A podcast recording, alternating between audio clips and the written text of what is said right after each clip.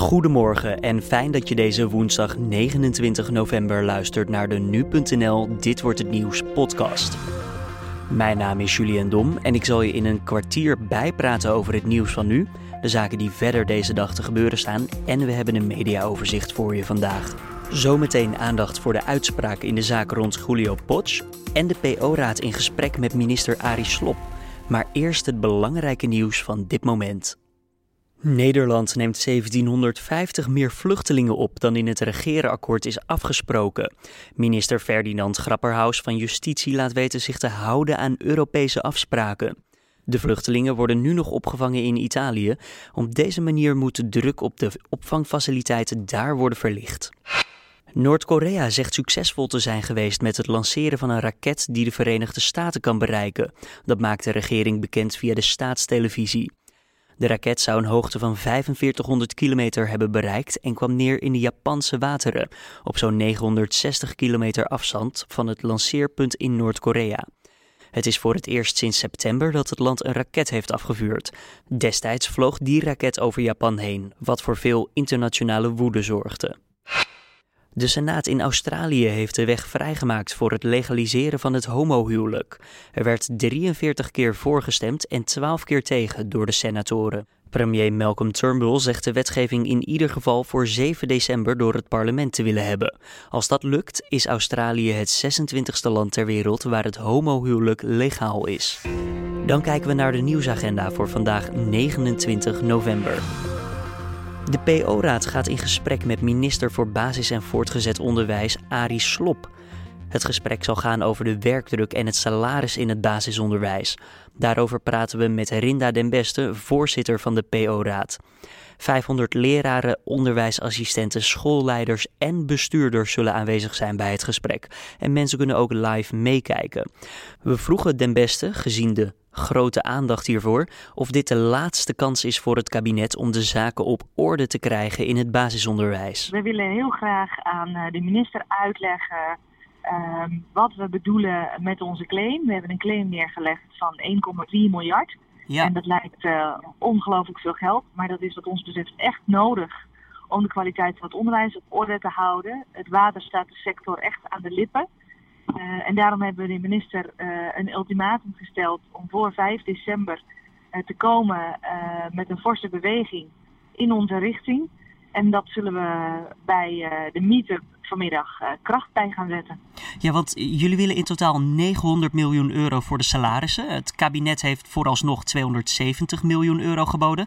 Dat gat lijkt nogal onoverbrugbaar, of heb ik dat mis? Ja, dat is een heel groot gat. En dat is ook een groot probleem, want we hebben een enorm lerarentekort in het primair onderwijs oplopend tot 10.000 leraren tekort in 2025. Mm-hmm. We hebben te maken met een enorme werkdruk uh, van alle sectoren waar HBO'ers in werken wordt de werkdruk in het primair onderwijs als allerhoogst uh, ervaren. Uh, met een heel hoog ziekteverzuim tot gevolg. Heel veel mensen met burn-out klachten. En heel weinig aanmeldingen op de PABO. Dus ja. de nieuwe instroom zit er ook niet aan te komen. Dat betekent dat voor de leraren die er wel zijn, de werkdruk alleen maar hoger gaat worden. Want nieuwe collega's zijn er niet en komen er voorlopig ook niet. En, en dus moet dat gat wel overbrugd worden, want dat, dat gat is enorm groot. Want waar, waar ligt momenteel de, het uh, grootste knelpunt qua, wer, qua, werkdruk? Is het met, het werk met de leerlingen zelf, met de, of, of is het de administratie of iets anders? Het is een combinatie. Uh, het is in het onderwijs uh, behoorlijk veel zwaarder geworden de afgelopen jaren. Dat komt door de toenemende eisen ook van de maatschappij aan het onderwijs. Er moet veel meer tegenwoordig in school en in de klas gebeuren dan 10, 20 jaar geleden. Mm-hmm. En daarbij zijn door heel veel stille bezuinigingen heel veel ondersteunende functies uit het onderwijs verdwenen. Dus vroeger hadden heel veel scholen nog een klasseassistent of een conciërge of een uh, administratief medewerker. En die zijn allemaal wegbezuinigd de afgelopen jaren. Al die dus taken zijn terechtgekomen bij de leraren? Precies, die zijn allemaal op de schouders van de leraren terechtgekomen. En tel daar dan nog eens bovenop dat er ook nog een heleboel regelgeving bij is gekomen. Door bijvoorbeeld passend onderwijs, door bijvoorbeeld verzwaring van allerlei uh, verslaglegging. Um, waardoor er ook heel veel administratieve last bij is gekomen. Het betekent dat die leraren eigenlijk gewoon niet meer toekomen aan dat wat ze eigenlijk het liefst willen doen. En dat is goed onderwijs geven aan kinderen. In, een uh, in het ideale scenario, stel je voor, de minister zegt vanmiddag: Nou, jullie krijgen alles wat jullie willen. Hoe snel zou het probleem dan opgelost kunnen zijn? Um, in het ideale scenario uh, hoeven we in ieder geval niet te gaan staken. En dat uh, vinden de partijen in het PO-front ook echt het allerfijnst. Want niemand vindt staken leuk. ook niet voor de kinderen. Uh, maar dat zou betekenen dat we per volgend jaar al 500 miljoen hebben om bijvoorbeeld met middelen voor werkdrukverlichting uh, extra handen in de klas uh, aan te nemen. Dus mensen die de, de juffen tenminste kunnen ondersteunen, klasseassistenten, administratief medewerkers, secretaresses, conciërges. Mm -hmm. en dat zou ongelooflijk veel verlichting brengen. Ja, zodat de functies van vroeger weer terug kunnen komen als het ware. Ja, voor het dagelijkse werk van leraar. En zodat hij ook tijd heeft om ook zijn, zijn lessen voor te bereiden. En uh, goed individueel kinderen te begeleiden. En niet zoveel tijd kwijt is met administratieve taken en andere klussen die allemaal anders blijven liggen. Um, en wij denken dat een verhoging van het salaris gaat resulteren in veel meer instroom, zowel via de PABO's als de zijinstroom. Ja. Er zijn nu heel veel mensen in allerlei sectoren die best willen overstappen naar het onderwijs. Maar zodra ze het salaris horen, zeggen, nou, ik uh, sla even over. Het schrikt bijna af. keihard nodig. Ja, ja, het schrikt af. Stel, het gaat niet zoals, uh, zoals jullie het willen. De nieuwe acties zijn al in de planning of wat kunnen we daarover vertellen? Ja, dat zal moeten blijken. We zijn intensief in overleg nu met minister Arie Slop. Ehm, die uh, aangeeft dat hij uh, met het regeerakkoord iets heeft kunnen doen om ons tegemoet te komen, maar niet veel meer ruimte krijgt van het huidige kabinet. Mm-hmm. Dat maakt het ongelooflijk ingewikkeld, want er moet wel meer komen. De eerste staking is aangekondigd, die is voor 12 december staat die op de rol. En ja, wij hopen dat, dat verder staken niet nodig is, want dat is niet in het belang van kinderen, niet in het belang van ouders en niet in het belang van uh, Nederland.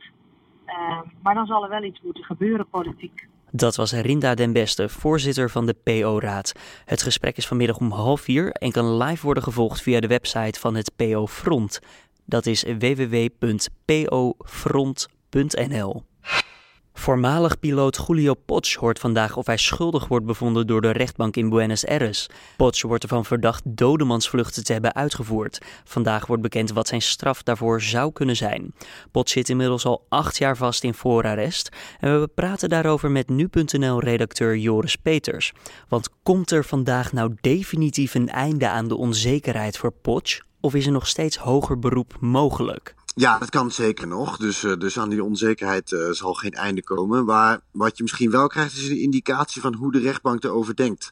Als de rechtbank inderdaad besluit om hem tot levenslang uh, te veroordelen, mm -hmm. dan geeft het natuurlijk wel een soort tendens aan van dat er wordt gedacht dat hij schuldig is. Want waar wordt Julio Potsch nou precies van verdacht door het Argentijnse OM? Nou, de verdenking is dat hij betrokken is geweest bij de zogenoemde dode vluchten. Um, deze vluchten werden uitgevoerd onder het regime van Jorge Videla. Uh, Het mhm. militaire regime dat aan de macht was tussen 1976 en 1983. Uh, en gevangenen en politieke tegenstanders uh, werden dan gedrogeerd uit hun vliegtuigen gegooid. En Julio Potsch zou een van de piloten zijn geweest. In ieder geval, dat is uh, de verdenking. Ja, precies. En daar zeg je al, een van de piloten. Hij is ook natuurlijk niet de enige die morgen terecht staat. In totaal volgens mij meer dan 50 man. Dat klopt, ja. In totaal staan er nog 54 man uh, terecht. Uh, de, het begon uh, het proces tegen 69 man, ondertussen zijn er, zijn er al 15 overleden. maar het is inderdaad een megaproces, ja. En werkt dat dan in zijn voordeel, dat er zoveel mensen terecht staan? Of wordt hij dan vergeten? Of is dit juist een nadeel dat er niet specifiek naar zijn zaak wordt gekeken? Nou, ik denk in dit geval dat het zeker een nadeel is. Je moet het zo denken, dit is natuurlijk wel... Uh, het is een een enorme zwarte bladzijde in de, in de geschiedenis van de Argentinië. Morgen staan hier 54 man terecht die hier een rol in zouden hebben gespeeld. Eh, de druk om af te rekenen met die geschiedenis is enorm groot.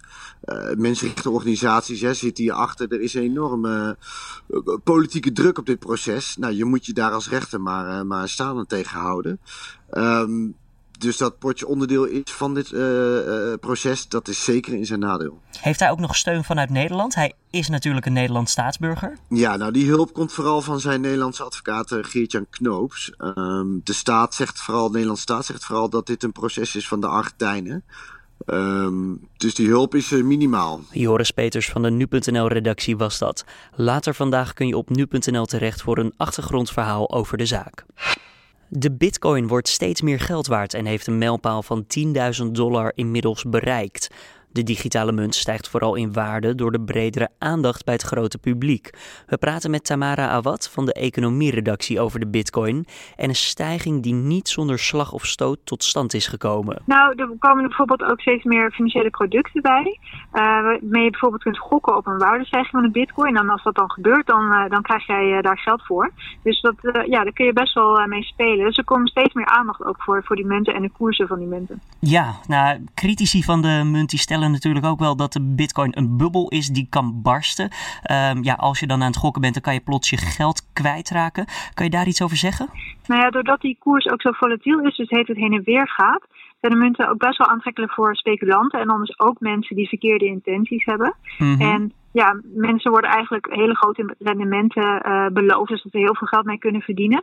En dat kan ertoe leiden dat mensen uh, verleid worden om, om ja, toch uh, te veel risico te nemen. Ja, want groot inzetten betekent ook groot verliezen als je pech hebt. Ja, de ATM heeft in de zomer bijvoorbeeld ook gezegd dat het echt een beetje lijkt op de internetzeepel van eind jaren negentig. En ja, mensen zijn gewoon bang om de boot te missen en gaan ze dus maar snel instappen en soms dus ook met veel geld. Ja. Terwijl ze eigenlijk misschien niet zo goed weten wat nou de risico's ervan zijn. Ja, je moet je altijd inlezen bij dit soort dingen, toch? Ja, het is eigenlijk wel verstandig om, om te kijken van, nou ja, wordt er ook toezicht op gehouden? Um, wordt er goed naar gekeken? Uh, hoe is de koers uh, eerder geweest? En ja, daar moet je eigenlijk wel een beetje goed over nadenken. Zeker als je veel geld in stopt. Het, het is ook een wereldwijd ding natuurlijk, uh, de bitcoin en sowieso alle cryptovaluta. Ja, absoluut. En probleem is dus inderdaad dat die transacties dus vaak anoniem en dus ook grensoverschrijdend zijn. Dus in verschillende landen spelen. En dat maakt het ook moeilijk om er goed toezicht op te houden. En soms is dat zelfs onmogelijk. Ja, Tamara, kan de bitcoin nou ook een gevaar opleveren voor de al gevestigde valuta, zoals de dollar, euro of Poolse zloty? Ja, dat is een beetje moeilijk te zeggen. Het zijn natuurlijk wel valuta's uh, die gewoon al heel lang bestaan en uh, die gewoon waarschijnlijk gewoon blijven.